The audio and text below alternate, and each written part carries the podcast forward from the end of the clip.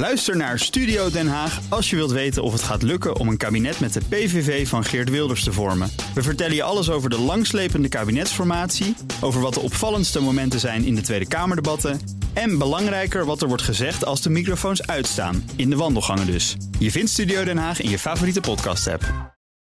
De column van Marianne Zwagerman.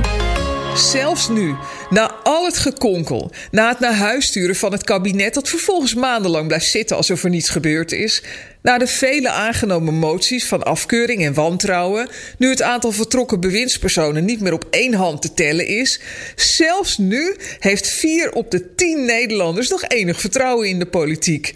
Wie zijn die mensen? Wonen ze in een grot? Verstaan ze geen Nederlands? Zijn ze van alle sociale media afgesloten? Halen ze hun hele nieuwsvoorziening alleen maar van op één? Bert Huisjes, de journalistieke baas van Op1, noemde Rutte 3 zelfs afgelopen vrijdag op de radio nog een goed kabinet. Dat was dus na het aftreden van Kaag en Bijleveld wegens zeer opzichtig falen en na het invoeren van de corona-toegangspas die ongeprikte onder druk moet zetten ondanks eerdere bezweringen van Hugo de Jonge dat er nooit enige vorm van prikdrang zou komen. Het toeslagenschandaal waarop het kabinet viel, dat door de toenmalig VVD-fractieleider Klaas Dijkhoff een clustercatastrofe van epische proporties werd genoemd, is volgens Huisjes slechts een incident. NPO 2 zond gisteravond de documentaire Tegen de Staat uit, waarin vijf moeders getuigen die in deze clustercatastrofe kapot werden gemaakt door de Belastingdienst.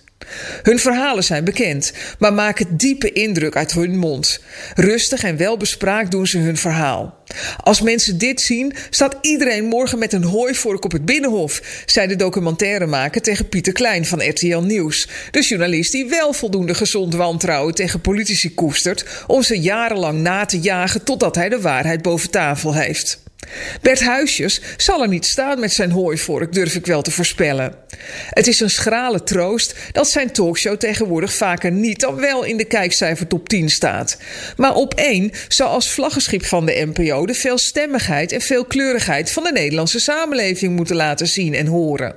Een samenleving waarin voor iedereen plek is en waar mensen zich ondanks verschillen onderling verbonden weten. Zo luidt de missie van de NPO.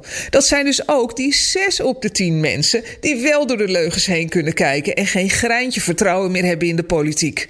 Ze gaan misschien niet met hun hooivork naar het Binnenhof en ook niet naar het Mediapark, maar ze zetten wel hun tv uit als het naar staatspropaganda ruikt.